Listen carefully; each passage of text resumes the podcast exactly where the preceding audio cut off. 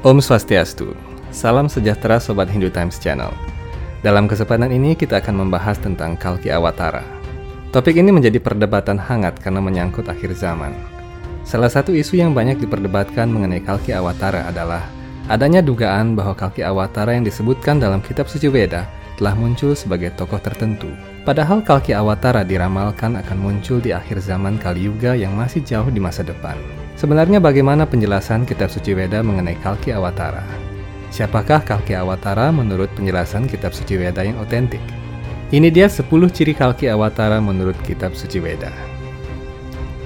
Untuk Anda yang ingin berlangganan video-video Hindu Times Channel, jangan lupa klik subscribe dan berlangganan di bagian bawah video ini. Jangan lupa juga untuk like apabila kalian menyukai video ini.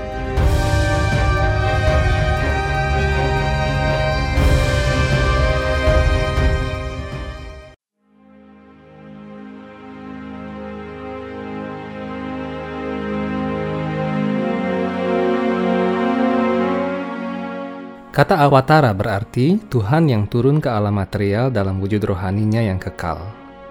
Dengan kata lain, awatara adalah Tuhan sendiri, bukan dewa, manusia, atau binatang. Karena awatara adalah Tuhan sendiri, maka tidak ada makhluk mana pun yang setara dengannya. Ciri pertama dalam kitab suci Weda tentang Kalki Awatara ada dalam kitab suci Weda Bhagavad Gita, di mana Tuhan Sri Krishna bersabda, Demi membinasakan orang-orang jahat dan menyelamatkan orang-orang saleh, aku turun dari zaman ke zaman. Jadi Kalki Awatara adalah Tuhan Sri Krishna sendiri yang turun dalam wujudnya yang kekal. Walaupun Tuhan turun ke bumi dalam wujudnya yang kekal, yang tidak pernah binasa, Tuhan menerima penyembah yang murni sebagai ayah atau ibunya. Ini tidak berarti bahwa Tuhan lahir dari perpaduan genetika ayah dan ibu, layaknya makhluk hidup biasa. Dalam kemunculan Tuhan sebagai Kalki, ayahnya bernama Wisnu Yasa dan ibunya bernama Sumati. Dalam Veda Wisnu Purana dinyatakan bahwa pada zaman Mahabharata, Wisnu Yasa adalah Wasudewa dan Sumati adalah Dewaki. Dalam masa sebelumnya, suami istri tersebut adalah Prajapati Kasyapa dan istrinya Aditi. Suatu ketika Aditi memohon kepada Tuhan agar Tuhan berkenan turun sebagai putranya.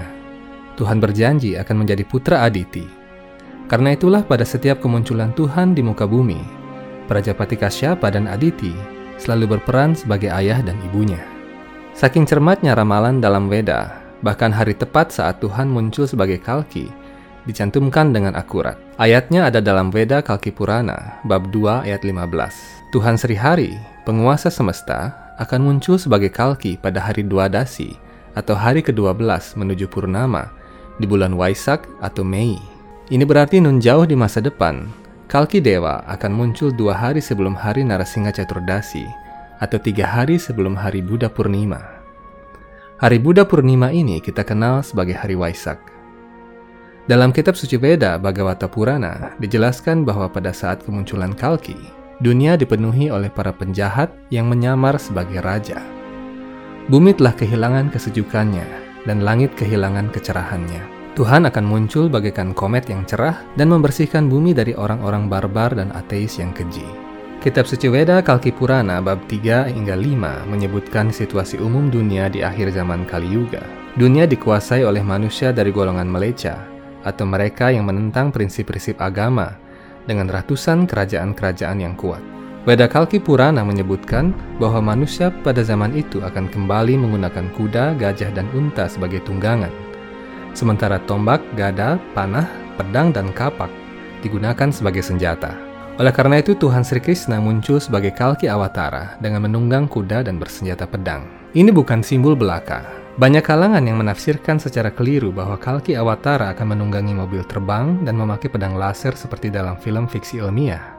Ini sama sekali tidak benar. Negeri seperti Maheshmati dan Sambala disebutkan sebagai dua negeri di akhir zaman Kali Yuga di mana raja-raja yang saleh masih tersisa. Mahishmati adalah sebuah kota yang tua dan berada di India bagian selatan. Kota ini telah ada sejak zaman Manu pertama.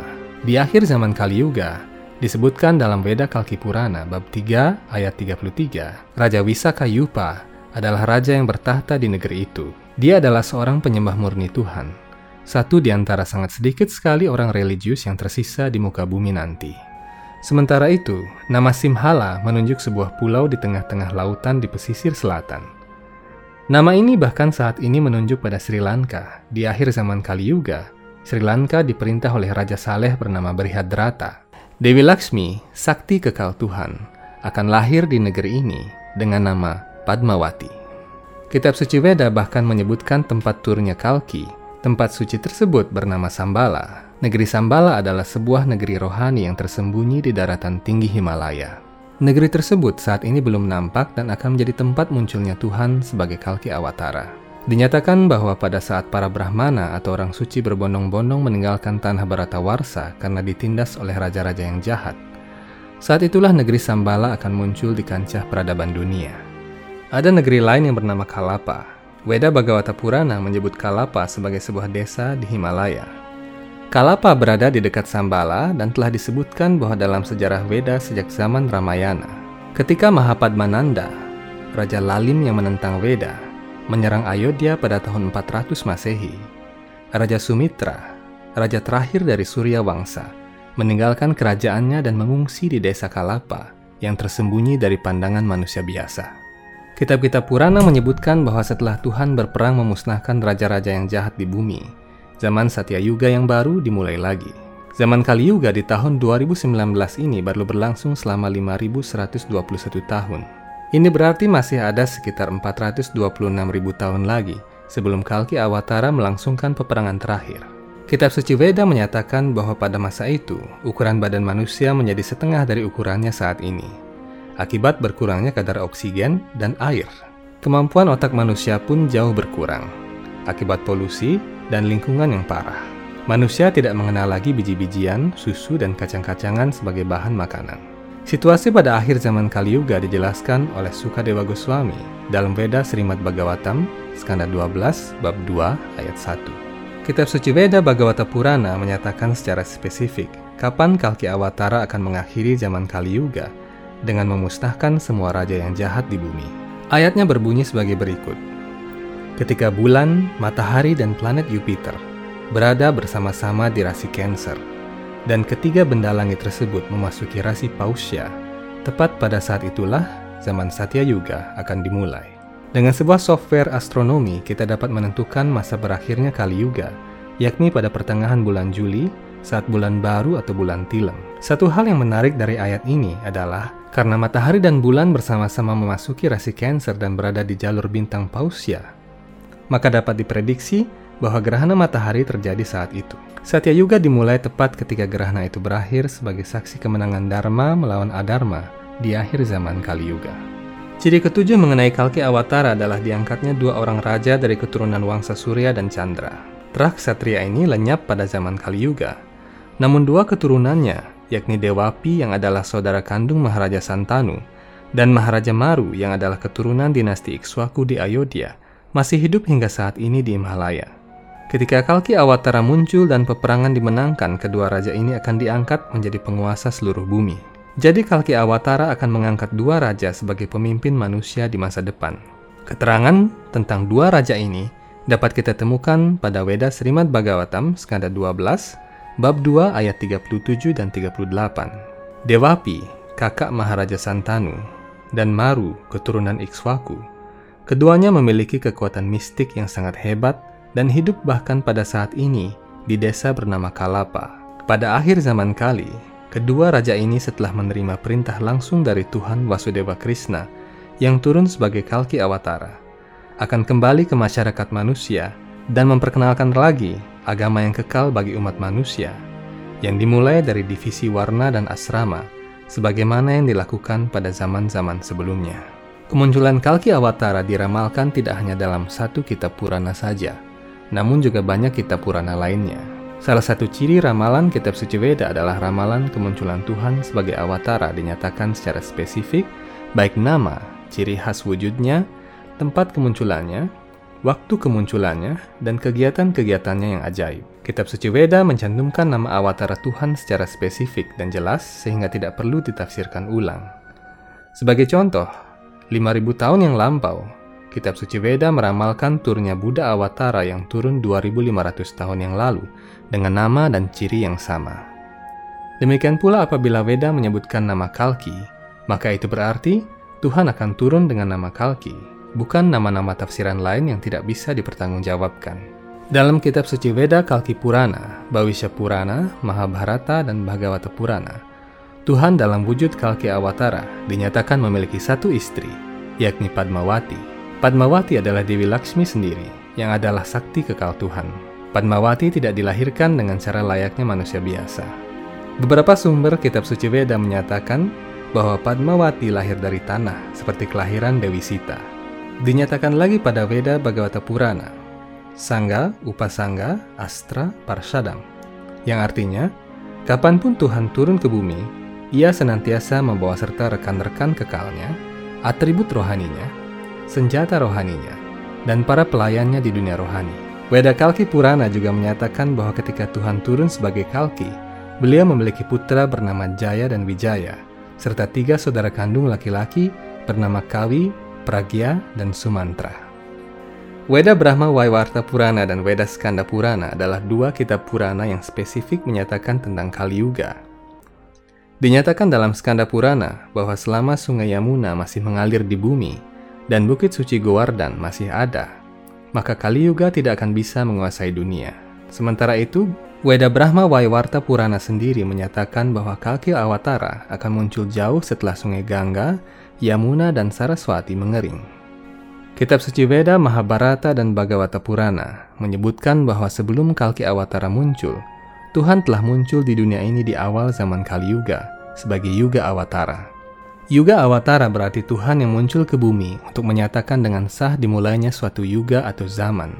Tujuan turunnya Yuga Awatara adalah untuk membimbing umat manusia di dalam setiap zaman dalam jalan agama yang sesuai dengan zaman itu. Pada zaman Kali Yuga ini, Tuhan sebagai Yuga Awatara disebutkan dalam ayat suci Weda Bhagavata Purana, buku ke-11, bab 5, ayat 32. Terjemahan ayat tersebut adalah sebagai berikut. Pada zaman Kali Yuga, manusia yang cerdas akan memuji Tuhan yang turun sebagai penjelmaan rahasia di zaman Kali Yuga. Warna kulitnya keemasan, dan dia akan mengajak semua manusia untuk senantiasa menyanyikan nama suci Tuhan Sri Krishna beramai-ramai. Dia diiringi rekan-rekannya, senjata, dan para sahabatnya. Kitab suci Veda Mahabharata juga menyatakan bahwa Tuhan Yang Maha Esa akan turun di awal zaman Kali Yuga dengan warna kulit keemasan. Dengan badan yang sempurna bagaikan emas yang cair. Badannya akan diolesi cendana yang harum. Dia akan menjadi seorang suci dan mengajak setiap orang mengucapkan nama Hari, Krishna, dan Rama. Dalam Veda Garuda Purana, ramalan lain disebutkan mengenai Yuga Awatara. Tuhan bersabda, Aku akan turun ke bumi sebagai putra Saci Dewi, di tanah suci Mayapur, di Nawadwipa, di tepi barat sungai suci Gangga. Aku akan turun dengan tenaga rohaniku yang perkasa di awal zaman Kali Yuga, untuk mengajak seluruh umat manusia mengucapkan nama suciku beramai-ramai. Ramalan ini dilengkapi dalam Veda Bayu Purana. Aku, Tuhan seluruh alam semesta, akan turun di bumi pada bulan purnama di bulan Maret di awal Kali Yuga. Aku akan turun di tanah suci Nawadwipa di tepi sungai Gangga yang suci. Semua ramalan tersebut menunjuk pada Sri Chaitanya Mahaprabhu yang turun ke bumi pada tahun 1408 Masehi di Nawadwipa. Nawadwipa adalah sebuah daerah setingkat kecamatan di distrik Nadia, Bengali Barat, India bagian timur. Mayapur adalah pusat dari wilayah Nawadwipa. Kini, Mayapur menjadi pusat spiritual bagi umat Hindu seluruh dunia. Sri Chaitanya Mahaprabhu adalah Yuga Awatara yang turun untuk mengesahkan dimulainya zaman Kali Yuga, sekaligus mengesahkan cara pengucapan nama suci Tuhan Sri Krishna sebagai jalan spiritual tertinggi bagi umat manusia di zaman Kali Yuga. Weda Brahma Waiwarta Purana menyebutkan bahwa selama 10.000 tahun, ajaran rohani pengucapan nama suci Tuhan Sri Krishna akan menyebar di seluruh bumi dan menjadi ajaran rohani tertinggi bagi umat manusia. Kalki Awatara akan turun jauh setelah masa 10.000 tahun ini berakhir dan peradaban Veda dilupakan manusia. Inilah salah satu lagi bukti kuat mengenai Kalki Awatara. Jadi apabila ada lagi yang mengaku sebagai Kalki Awatara, Anda sudah bisa memastikan bahwa itu adalah kabar bohong. Salah satu ciri paling khusus bahwa Sri Chaitanya Mahaprabhu adalah awatara Tuhan adalah bagaimana beliau berpulang. Sri Chaitanya Mahaprabhu tidak berpulang sebagaimana layaknya manusia biasa. Beliau tidak meninggalkan jasad, namun masuk langsung ke dalam arca di Pura Jagannath Puri, Orissa pada usia 48 tahun. Kitab suci Weda misalnya Bhagavata Purana, Wisnu Purana, dan Padma Purana menyebutkan bahwa arca Tuhan bukanlah patung. Jadi memuja arca tidak sama dengan memuja berhala. Arca Tuhan yang sesuai dengan aturan kitab suci Weda tidak berbeda dengan wujud Tuhan sendiri. Kitab suci Weda menyebutkan enam golongan awatara. Buat Anda yang baru tahu, awatara Tuhan tidak hanya sepuluh. Salah satu jenis awatara adalah lila awatara. Lila Awatara adalah Tuhan sendiri yang turun langsung dalam wujud tertentu. Kalki Awatara termasuk dalam golongan Lila Awatara. Sementara itu, terdapat golongan Awatara yang disebut sebagai Saktia Wesa Awatara. Saktia Wesa Awatara adalah makhluk hidup tertentu yang diberikan kuasa oleh Tuhan. Jadi Saktia Wesa Awatara adalah utusan Tuhan, bukan Tuhan sendiri. Sehingga ada perbedaan antara Lila Awatara dengan Saktia Wesa Awatara.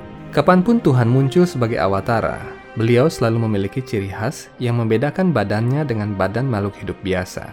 Ciri khas ini ada 64 butir dan diuraikan secara detail dalam kitab suci Weda Hari Bakti Bilasa. Salah satu ciri khas seorang awatara adalah adanya tanda-tanda suci di telapak kakinya yang disebut dengan Asta Manggala. Asta Manggala adalah delapan tanda suci yang ada di telapak kaki dan tangan Tuhan. Kedelapan tanda suci tersebut adalah Urdhwareta atau garis melengkung naik berwarna emas, Cakra, Sanka atau trompet kerang, Gaura Matsya atau ikan kembar, Padma atau bunga lotus, Kalasa atau kendi, Swastika, dan Dwaja atau bendera. Kedelapan tanda tersebut pastinya bukan tato yang sengaja dibuat, tetapi telah ada di badan Tuhan yang kekal. Jadi, jika ada seseorang yang mengaku sebagai Kalki Awatara, pastikan dulu apakah delapan tanda suci ini ada di telapak kakinya atau tidak. Buddha Awatara sendiri yang turun ke bumi 2500 tahun yang lalu memiliki tanda cakra di tangan dan kakinya. Sri Chaitanya Mahaprabhu yang turun 500 tahun yang lalu memiliki semua tanda suci Asta Manggala di telapak kakinya.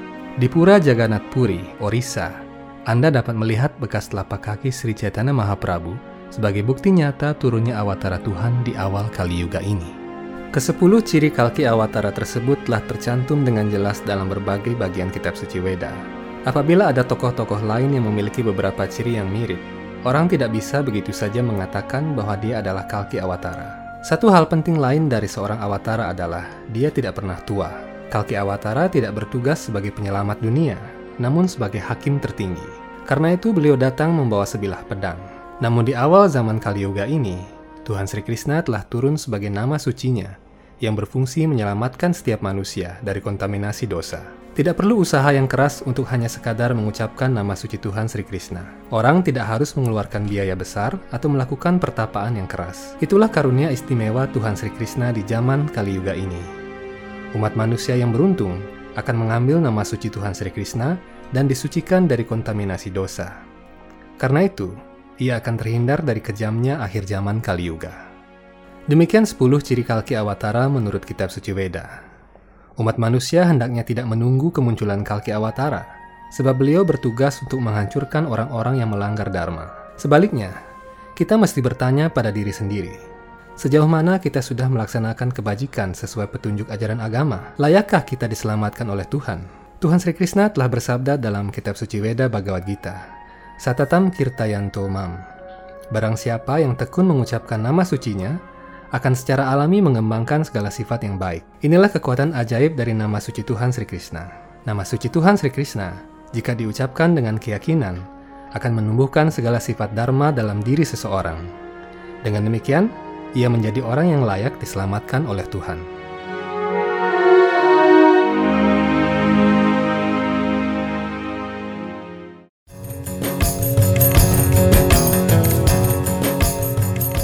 Semoga video ini dapat menjadi renungan untuk kita bersama. Nantikan video-video Hindu Times selanjutnya dengan topik-topik menarik seputar Hindu. Om Santi Santi Santi Om.